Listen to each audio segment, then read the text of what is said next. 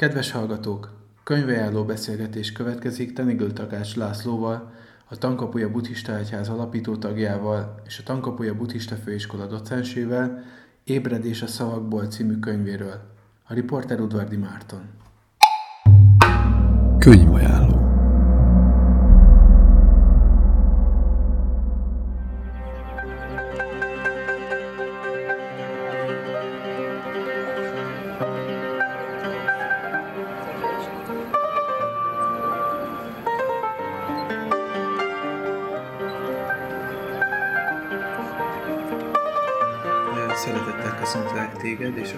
hallgatókat.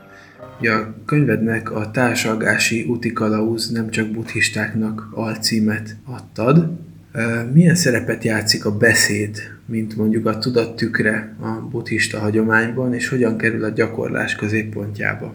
Gyakorlatilag a buddhista szerzetesek a megvilágosodás elérésének a céljából használták, és akkor arra gondoltam, hogy kéne csinálni egy olyan kis védekert, ami visszavezeti ezt a, az eredeti szövegekig, tehát hogy voltak éppen hogyan is indult ez.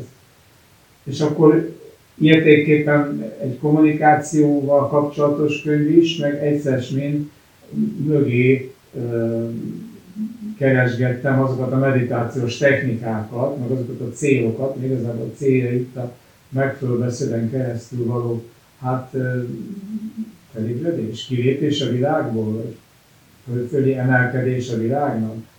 És akkor ebből alakult ki ez a kis könyvecske. Igyekeztem úgy megírni, hogy az is élvezhesse, aki nem nagyon járatos a, a buddhista terminológiákban, a buddhista filozófiákban, de mindig magyarázatok vannak, meg közöm a eredeti terminusokat, de forgathatják olyanok is, akik foglalkoznak mindfulness-el, csak esetleg a gyökereit nem ismerik. Van, egy, van annak veszélye, hogy ezek, ezek az irányzatok elsilányítják, a, vagy eltérítik az embert régebbi tanoktól, vagy eredeti tanoktól? Hát én nem szeretek nagyon ilyen sötétkorozni, meg tönkretesszük a tradíciót, mantrákat nyomatni, de lehet, tehát ha alapvetően a kommunikáció, mondjuk nézzünk egy tréninget, vagy egy coachot, a kommunikáció arra irányul, hogy hogyan működjék hatékonyan az a bizonyos csapat, akinek ezt tartják, az lehet pozitív is, negatív is. Tehát, hogyha egy olyan, most maradjunk a biznisz világnál, olyan cég esetében alkalmaznak keleti technikákra épülő uh, tréningeket, amely alapvetően jó dolgokra törekszik, tehát még nem a világ kizsákmányolására, tönkretétel, stb., akkor miért ne? Ha maga a, a, a, a cég vagy a közösség alapvetően a minél nagyobb profit szerzésére hatékonyít, és hát akkor ez általában azért másnak a kárára megy, hát akkor sajnos pont az ellentétét célozza, mint amire az egészet annak idején kidolgozták. Úgyhogy lehet a mindfulness használni világi, profán úgymond célokra is, attól függ, hogy ezeknek a karmikus kifutása az milyen. Tehát legyünk minél hatékonyabbak abban, hogy hogy zúzzuk le az konkurenciát, akkor az hát nem annyira áll összhangban a buddhizmusnak a üzenetével. De simán el tudom képzelni, hogy, hogy lehet tartani egy mindfulness képzést egy olyan intézménynél, ami nem kifejezetten buddhista és nem kifejezetten kolostori.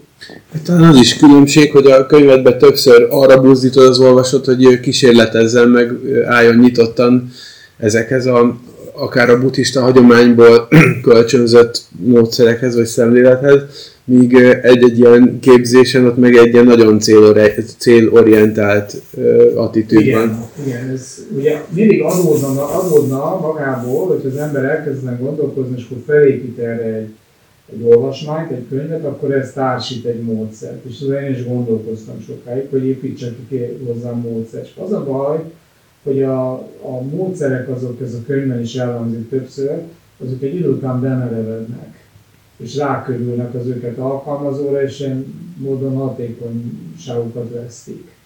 Tehát ilyen dogmává, ideológiává változnak, ott a Buddha egyik legfontosabb ö, ismérve, vagy, vagy belejárója, hogy nem válik ideológiára, nem válik dogmára. Ugye végén aztán ezt el is kerülünk. Szabadon lehet válogatni, elképesztő méretű a, a meditációs kultúra egyébként, utána egy kicsit olvasni. Mérhetetlen számú gyakor, sőt ki is lehet találni gyakorlatilag. Van ilyen is a könyvben, amiket én találtam ki. A könyvedben a buddhista hagyománynak hát elég széles palettáján végmész, ha csak nem az egészen, vagy nem tudom, de van benne abidamma, Sőt, zen. a kereszténységben is. És ez, ez az, hogy van benne Kafka, József Attila, Jim Jarmusch, Rinosuke, mindenféle irodalmi és kulturális példa be van emelve, ami segít. Persze. Hát segít is, meg érdekessé tesz. Ez egy nagyon jó illusztráció. Hát ugyanazokra a bölcsességre rá lehet jönni, akkor sem, mert nem buddhista, vagy nem kifejezetten egy buddhista irányvonalhoz tartozik. Az a könyv gerinc alapvetően a szatipattának és az ahhoz kapcsolódó ugye, megfigyelési gyakorlatok, de hát simán használok zenkoánokat, májános szövegeket, vagy hindu párhuzamokat, vagy akár egy, egy keresztény tanítást, tehát egy örökké valóság felé tartunk, hogy ilyen nagy éljek. Több ö, ilyen hosszabban kitartó metafora ö, szerepel a könyvedben, és az eleje fele van egy ilyen, hogy mint leves, vagy mint egy főzet, amit magunknak főzünk, és Igen. a mérgek előjönnek, hogy ezt egy picit kibontod, hogy ez hon, hogyan épül föl. Hát itt az alapgondolat az, ez tulajdonképpen egy meglátás, vagy egy tapasztalás. De a legtöbb ember úgy éli meg az életét, hogy be van zárva a saját testébe, a saját tudatába, és akkor onnan, mint egy ilyen magánzárkából kifelé, rácsokon át kommunikál másokkal. És akkor ez persze hozza magával a félelmet, az izalmatlanságot, és nem soron tovább. Hogy valójában, hogyha alaposabban belegondolunk, akkor egymás kommunikációjában élünk, egymás beszédében élünk. Tehát én egyetlen egy szót nem hoztam magammal bakástéri úszőt kórházból, amikor megszülettem, tehát az összeset többi embertől kaptam, és egy javítom, ugye Buddha kivétel, aki ugye négy lépést tett a négy világtárta, és már orosz hangon üvöltöztem, üvöltözött, de hát ezt is tekintsük inkább egy allegóriának. Tehát egymás tudatában létezünk. Vagy úgy, hogy saját magunkban gondolkozunk, és akkor persze mi másokkal beszélgetünk, tehát saját magunkat korholjuk, hibáztatjuk, dicsérjük másokkal kapcsolatban, vagy pedig egymás között zajlik ez a dolog. És itt most messze nem csak egyszerűen a kommunikációról, mint a hagyományos fogalomról van szó, hanem igazából, ha ezt a leves metaforát előveszünk, akkor egyetlen hatalmas tudatleves az, amiben buborékolunk, és borzasztó nehéz ennek az alkotó elemeit már utólag szétválasztani. Még akkor is, hogy tudjuk, hogy miből lett ez igazából megfőzni. És erre eszembe hogy van egy ilyen sci regény, vagy novella, a gyilkos idő kötetben volt benne, nem tudom ki a szerző, valami orosz szerintem, amiben az van, hogy, hogy van egy, vannak űrhajósok, és akkor valami e, ilyen kocsonya elkezdi megenni őket, és össze egy testé válnak, és a, a tudatuk elkezd összeolvadni, és, és már egy idő után nem tudják elválasztani, hogy ki van, vagy... Persze, tehát a science is egyébként jó irány, mert ott Hát, nagyon hasonló a, a Lemnek a, a, a, a Solarisza is. Hát a könyv, ugye, mert amit a Tarkovsky filmben csinált, az egy kicsit, vagyis mondjam, tovább gondolta a dolgot, de ott is egy, egy, egy egyetlen, egyetlen bolygó, mint egyetlen tudat működik, ami aztán kapcsolatba lépott az űrhajósokkal, megjeleníti a számokra rejtett tudattartalmakat, nagyon érdekes történet. Persze, hát a science fiction az, az pont a fantázia korlátlan mi volt annak köszönhetően, rengeteg esetben talál vele ilyen elementáris tapasztalásokban, vagy igazságokban. Most ehhez kapcsolatban elkezded kifejteni azt, hogy ez nem annyira egyszerű, hogy egymás tudatában létezünk, de hogy, hogy egyébként pedig van egy csomó olyan úgymond nehezítő vagy szennyező tényező, amitől maga a kommunikáció megnehezedik, hogy, hogy már egy csomó prekoncepció találkozik egymással, és hogy, hogy egy csomó minden az útjába áll annak, hogy direkt módon találkozzon tudat-tudattal. Tehát úgy fogalmazott, hogy mimitták találkoznak egymással. Egymás előttített képek, igen, a fordítsuk hallgatók kedvéért is. Egymással vetített képek, tehát hogy alapvetően azon a szűrőn keresztül tapasztaljuk a másikat, legyen az a külseje vagy a mondandója, amit mi magunk szőttünk. Nyelvi közmegegyezések folynak egyfolytában. Tehát a mi beszélgetésünkben simán beleférnek mondjuk nem annyira komilfó kifejezések, mint mondjuk egy konferencián, és akkor egy ilyen nyelvű közmegegyezés. Az meg egy másik. És ugyanakkor persze megpróbálunk ezeken a képzeteken keresztül egymásra hatást gyakorolni. Tehát ugye jelentős, nem is saját könyvemet dicsérem, de jelentős része a, a kommunikációval kapcsolatban annak a, tehát jelentős része az egyik fejezet, ami, ami a nyelvbéliség és a nyelv használatának a mikéntjére tér ki. A, érdekes módon a nyelvbéliség az egy harci helyzet. Tele vagyunk olyan ö, metaforikus megfogalmazásokkal, mint tulajdonképpen csata. Szóval, Igen, hadúr, hadúrnak nevezed a... Hát a Szóri József, nem az, az, az a házi úr, igen, hadúrnak nevezem, de hát szócsatát folytatunk, meggyőzzük a másikat, pengeváltás, csomó ilyet lehet még találni, és nem csak magyarul. Ez más nyelveken is működik. A két ember kommunikál, akkor tulajdonképpen harcol egymás. Valakinek éles a nyelve. Így van. Találó egy, egy megérzés, és akkor abban még benne van a szó, ezt igazából nyilvesszővel találták fel. Valahol azt is írod, hogy olyan, mint egy gazda a nyelv, ami birtokba vesz, birtokba veszi a, a világot. Hát a pszichének egy egy, egy adott síkja, vagy egy adott, adott csomópontja az, ami ezt meghatározza. Igen, például meghatározza a nyelvhasználatot is. Meg azt is meghatározza, hogy mi az, ami bejött, mi az, ami nem. Tehát ez a bizonyos házi úr, a József Attila Eszmet című verséből, hogy miért is kellett olyan házat építeni, de házi úr települni. És akkor milyen utak vannak, amik buddhista utak arra, hogy az ember feltérképezze tisztává? Hát nem egy rossz dolog azzal kezdeni az ember esetében, hogy mondjuk minél többet próbáljanak beszélgetni, és odafigyelni a másikra. És ennek az odafigyelésnek aztán egészen mélységes, mély perspektívái vannak.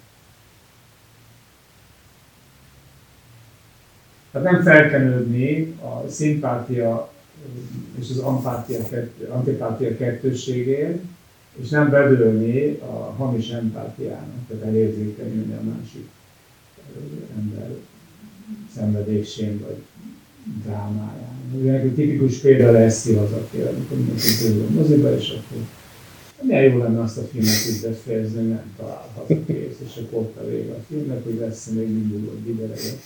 Elsőre, és olyan a stábista, a gyerekek meg bőgve arra lennek most persze ez egy groteszk példa volt, és mutatja azt, hogy mennyire elválik ennek a, ennek a én szerintem már egy picit elcsépelt és rosszul használt empátiának a követelményét, hogy ez legyen valami fajta ilyen pótkatarzis, pedig hát a, a katarzis az ebben az esetben nem az együttérzés, hanem a másiknak a valós megértés, ami egyáltalán nem biztos, hogy kellemes élménnyel jár akármelyik fél számára. Hát az Enkoanok erre hozott példák a könyvben is az enkornok eredenek. Mm. Csak hát ugye egy nagyon metakommunikatív szintről van szó, tehát nehéz őket megmagyarázni, pontosabban az ember megmagyarázza olyan, mint egy viccet magyarázna, és ez a vágja elrontja.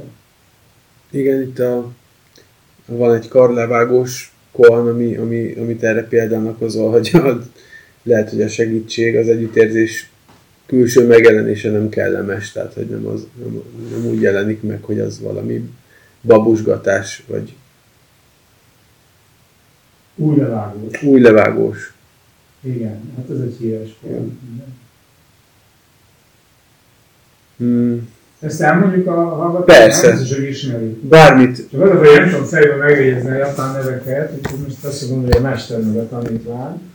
És volt egy mester, akinek az volt a szokása, hogy amikor tanított, akkor felemelte a mutatóját, reprezentálva a megértést, hogy a akár szaporít, vagy a megvilágosodás. Az egyik tanítványa elkezd, leutánozza Tehát ő is megteszi ugyanezt a mondatot, mire a mester elkapja az ujját és levágja a késsel, amire a tanítvány ugye üvöltve, bőgve próbál kirohanni a teremből, mester utána szól, felmutatja az ujját. Hát ugye lehet, hogy nagyon olcsó lecsapott poén, és látod, faszikem, nekem még megvan, a, de lehet, hogy sokkal mélyebb megfejtés, és mert a tanítvány erre megvilágosodik. Jó, hát persze ezt most itt nem ajánlom kipróbálgatni, mert van tíz dobásunk, azt az nem fog működni. Az együttérzés ez az, az aszanga történetet is leírod a kutyával. Esetleg azt Igen, is. igen, igen. Hát ez egy közismert történet.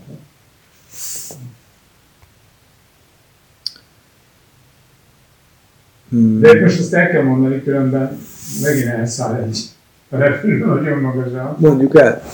Ugye Aszanga ugye elköltözik a legenda szerint egy barlangba, Imalája hegységbe, és Maitya Buddhát akarja megismerni, vagy őt megtapasztalni. És megjelenik egy kutya barlang bejáratánál, akinek a seggé, már is így fogalmazom, de talán a kutyának inkább segge van, mint ankora. A seggén egy hatalmas nagy seb van, amit nyűvek rágnak. És akkor ott van a feladat, hogy akkor tessék ma itt a szeretet együtt együttérzés, karoná, együtt szenvedés a másik szenvedővel, hogy akkor hogyan oldjuk meg ezt a problémát. És akkor az első gondolat, hogy kiszerégeti a nyüleket a kutyának a sebéből. Hát igen, ám, de ha kiszedi a nyüleket a kutya segéből, akkor nyüvek ilyen vannak. Akkor kivel vagyunk szolidárisak a kutyával, vagy a nyüvekkel. Akkor a következő gondolata, hogy kivág egy darabot a combjából, amit ugye a legenda szerint meg is tesz, és arra fogja áthelyezni a nyüveket, és akkor a nyüvek is jól járnak, kutya is megtisztul. Igen ám, de ezek a nyüvek, ezek olyan kis picike állatok, hogyha az ujjaival próbálja kiszlegetni őket, akkor elpusztulhatnak, miközben kipiszkálja. És akkor végén eljut a végső megoldásig, hogy a kutya segélyből a nyelvével fogja kiszelegetni nyilveket, és úgy ráhelyezni a saját combjából kivágott új darabra. És arra már emlékszem, hogy ezt meg is teszi, vagy csak így felmerül benne a kószer de ebben a pillanatban a kutya átváltozik mai félre. És itt azért tudni kell azt, hogy a, a kutya, az abban a kultúrában az, az nem az leg, hanem az a legpiszkosabb, legveszélyesebb, leginkább megvetett, tisztátalan állat, tehát rühes róka, mondjuk a mostani, vagy rühes farkas a mostani kultúrában. Ezt is érdemes persze inkább allegóriaként elképzelni, de mindenképpen elmondja azt, hogy mi az a végső empátia, ameddig el lehet jutni. De hát a végső empátia, ami a könyvben el is hangzik, az a, az a feltétlen odafigyelés. Van odafigyelés, amiben az odafigyelő megszűnik. Hát nincs benne többé érző valaki, aki a hmm. másik szenvedésen sírgagál, mert a mai világunk tele van olyan hamis empatikus mozdulatokkal, amikor mások szenvedésén sírgagálunk, de hát aztán eszünkbe nem jut, hogy esetleg tegyünk is valamit mások szenvedése ellen, mert az macerás, meg pénzbe kerül, meg fáradtságba, és akkor hát megnézzük a tévéképernyőn is. Itt a könyvedben említed is, ugye itt van ezzel a konkrét, tehát az együttérzés témakörével kapcsolatban a bávanát gyakorlatok, meg a Brahma viárákhoz kapcsolódó gyakorlatok, az egy teljesen ide passzoló gyakorlati út a buddhizmusban. Ezt is azt hiszem részletesen kifejted a könyvben. Hát nem annyira részletesen, mint a maga, de mindenképpen, hogy kapcsolódik a témához. Tehát, hogy ne a, ne a adott tapasztalt lény döntse el a szimpátiát, vagy az antipátiát, vagy az apátiát, ugyanúgy egy ilyen verzió is, vagy a mélységes empátiát a maga irányába, hanem az azt tapasztaló legyen képes bármilyen attitűdöt felvenni bármilyen tapasztalat irányába. Ez egy fura dolog ez a Brahma vihára, ezt egyedül gyakorolták. Tehát elmentek erdőbe, kunyhóba, távol a többiektől, is van írva a szövegből, szerzetes elvonulva. És felvetett a kérdést, hogy akkor hogy a túróba segít a szenvedő világon egy szeretés, hogyha a dzsungel mélyén meditál azon, hogy mindenkit szeret.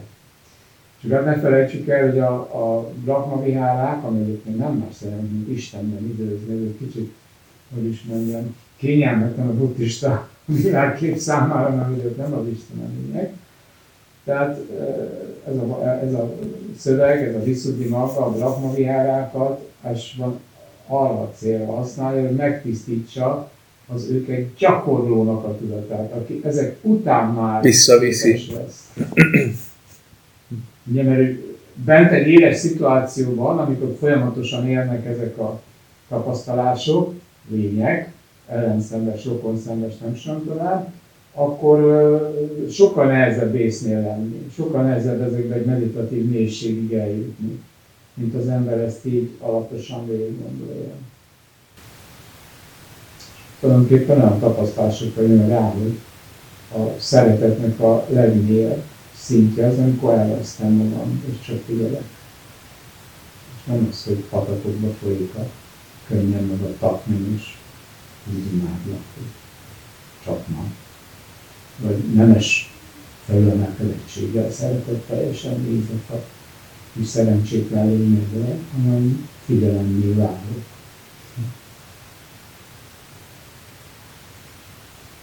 Hát ez lenne a szakmának a misztikus mélysége.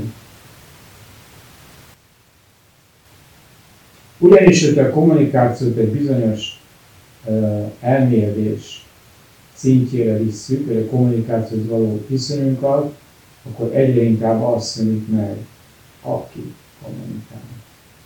Ez nem zárja ezt a lehetőséget, persze, hogy többi beszélni tudja, megértsen, hogy válaszoljon a másik kérdésére.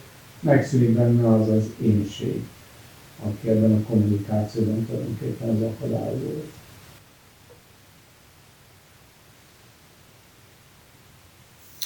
Írsz vitakultúráról is.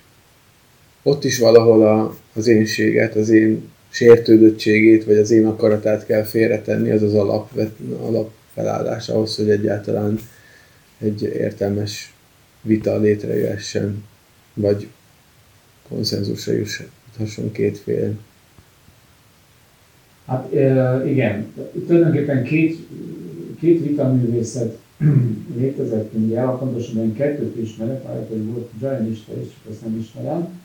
Az egyik a hindu, a másik a buddhista. A, hát most címszavakban, a hindu vitaművészetben, a vita kultúrában alapvetően az a cél, hogy a, az érveléseket elrontó és meghatározó érzelmi befolyásoltságot felszámolódjanak. Tehát ezeknek a feltárására irányul a, a úgy hívják, hogy nyára vagy vitalka. A buddhista logika ezen egy picit túllép, vagy más irányba lép, ott ugyanis az is cél, hogy az állítás-tagadás kettősségéből kiemelje a tudatot. Az a hétköznapi ember gondolkodás, hogyha valami van, akkor van, és akkor nem igaz, hogy nincs. Ez a hozzáállás, bipoláris szemléletmód, ez alapvetően meghatározza a vágyak születését. Hiszen arra lehet vágyakozni, ami van. Ha van, úgy tekintek, hogy van is, meg nincs is, meg mindkettő, meg egyik sem, akkor azt nem akarom hazavinni. Vagy esetleg úgy tekintek rá, mint ami van is, meg nincs is, meg holnap másnél lesz, meg tegnap is másnél, akkor nem biztos, hogy pofon akarom vágni, mert nem, nem találom azt a konkrét tárgyat, amit pofon lehetne ütni. Ez most egy nagyon vulgáris példa. De voltak éppen a, a buddhista vitaművészet az erre fut ki, megváltoztatja a gondolatot. Azt is mondhatnám, hogy felülírja a gondolkodásnak az alap programját és intézményét. Például beszélgetésben elvárjuk a másiktól, hogy adjon nekünk igazat. Ugye? Vagy ha nem, akkor meg, akkor meg ellenkezzem. Tehát akkor, akkor, akkor legyen ellenvéleményem. Képzeld el, egy beszélgetés során, európai kultúra, beszélgetés során valakit megkérdeznek, hogy neked erről mi a véleményed, és azt mondja, hogy nekem semmi véleményem nincsen.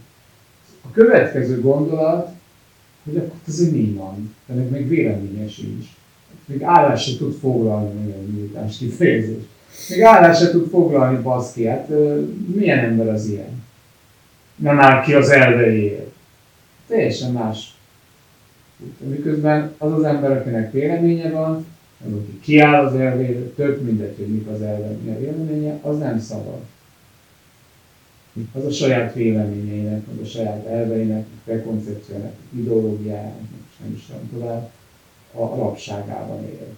És akkor ebből persze adódik az, hogy rögtön kikeresse azokat, akik nem ilyenek, és ez dől a mai világból ránk, hogy hogyan gyűlöljünk, utánunk, féljünk, kötődünk, szeressünk, stb. Hát mindig erről szól, csak ma a médiák miatt ez sokkal erősebben Hát ettől is érdemes megszabadulni a szavaknak az ilyen befolyásoló voltától, vagy befolyásoló erőtől. Nem kell bedőlni semminek és senkinek. Mikor utána A görög meg az indiai vita művészetet azt lehetne tanítani gimikbe.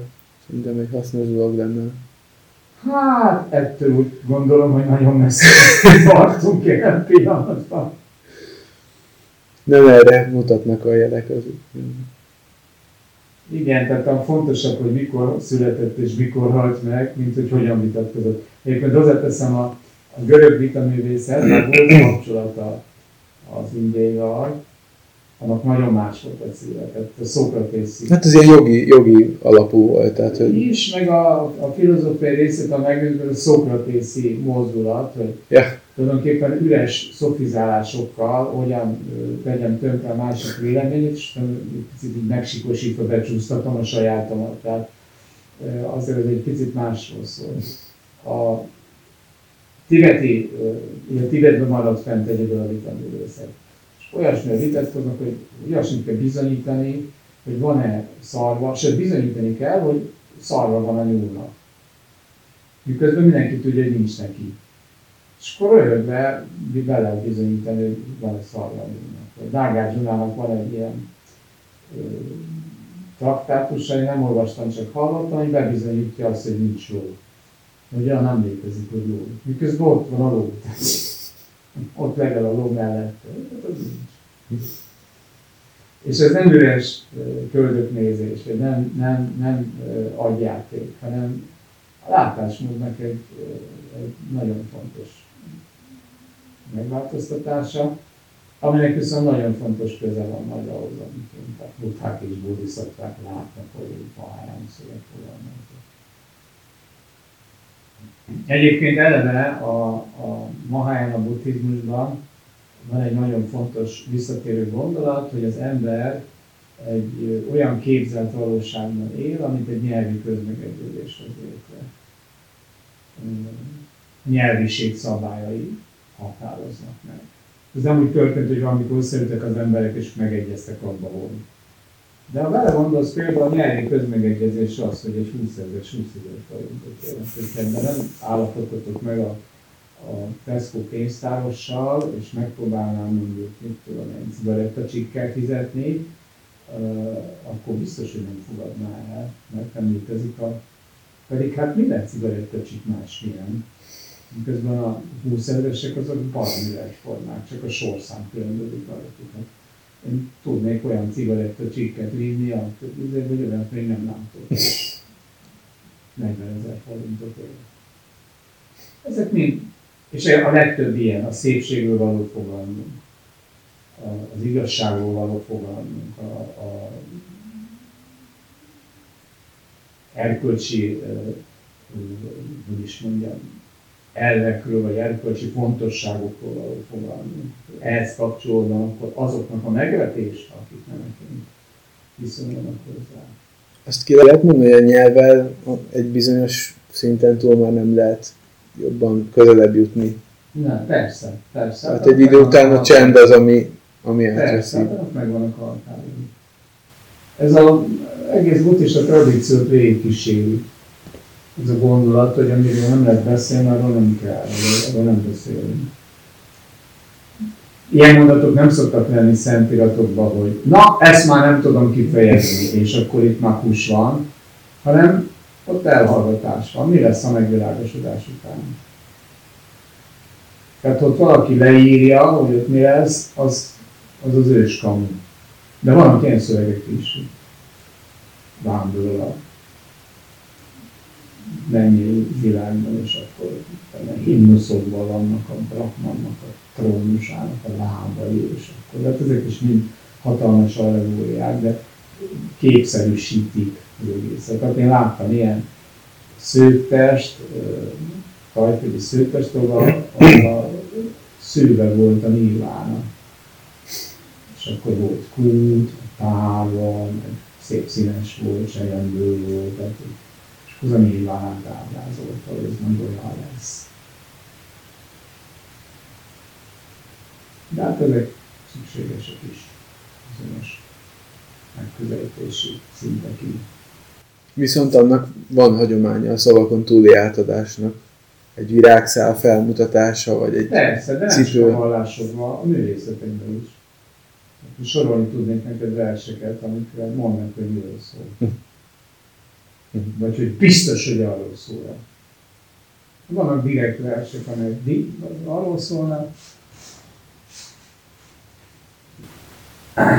és vannak olyan versek, amikről lehet, hogy a költő se tudja igazából pontosan megmondani, hogy miről szól, de valami szavakon túl. Nekem egyébként ilyen szempontból ritka a kedvencem, és én szoktam volt és fordítani, hogy elfog a heves indulat, mert ő elképesztő módon válik a nyelvről, és fejez ki nyelven túl, fogalmiságon túl tartalmakat.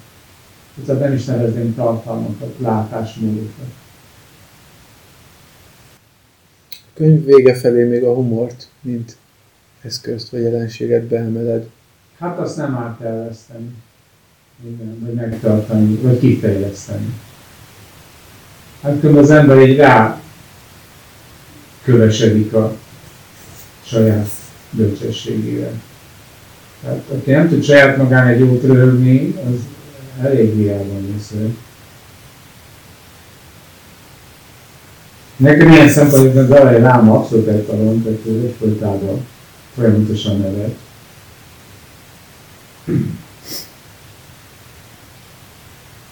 A például azt is egyébként röhögve magyarázott, hogy hogyan kellett a nyúlszarrába bizonyítani.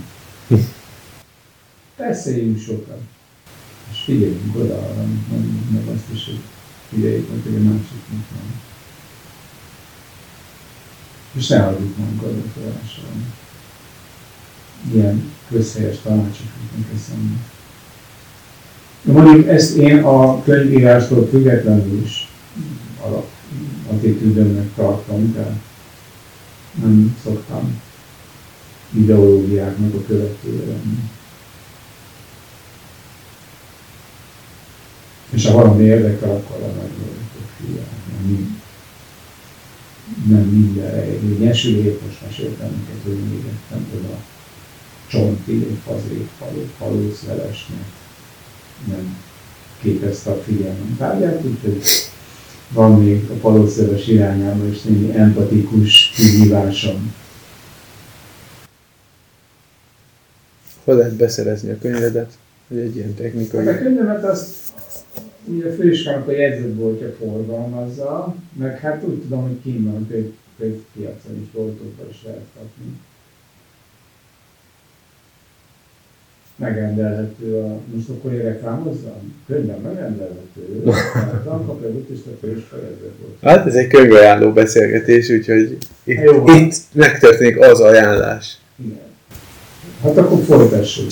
És hát elképzelhetetlen az, hogy ne legyen minden magyar család életek végén legalább egy kérdezés a szavakból szint. Hát én azzal alszunk el, tehát mint elalszunk, akkor nem alszunk el, most hogy szeretlek, én is szeretek, hanem figyelj ezt a fejezetet, és akkor ezt a bekezdést.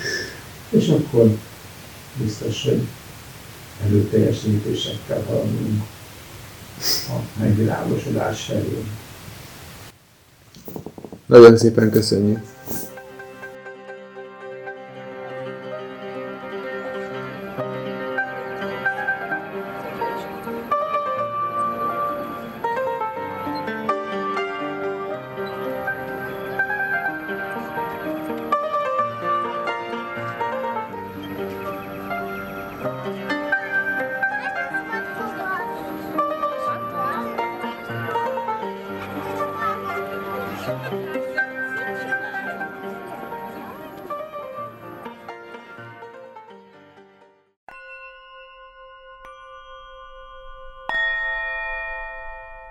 Kedves hallgatók, könyvajánló beszélgetést hallottak. A riporter Udvardi Márton volt.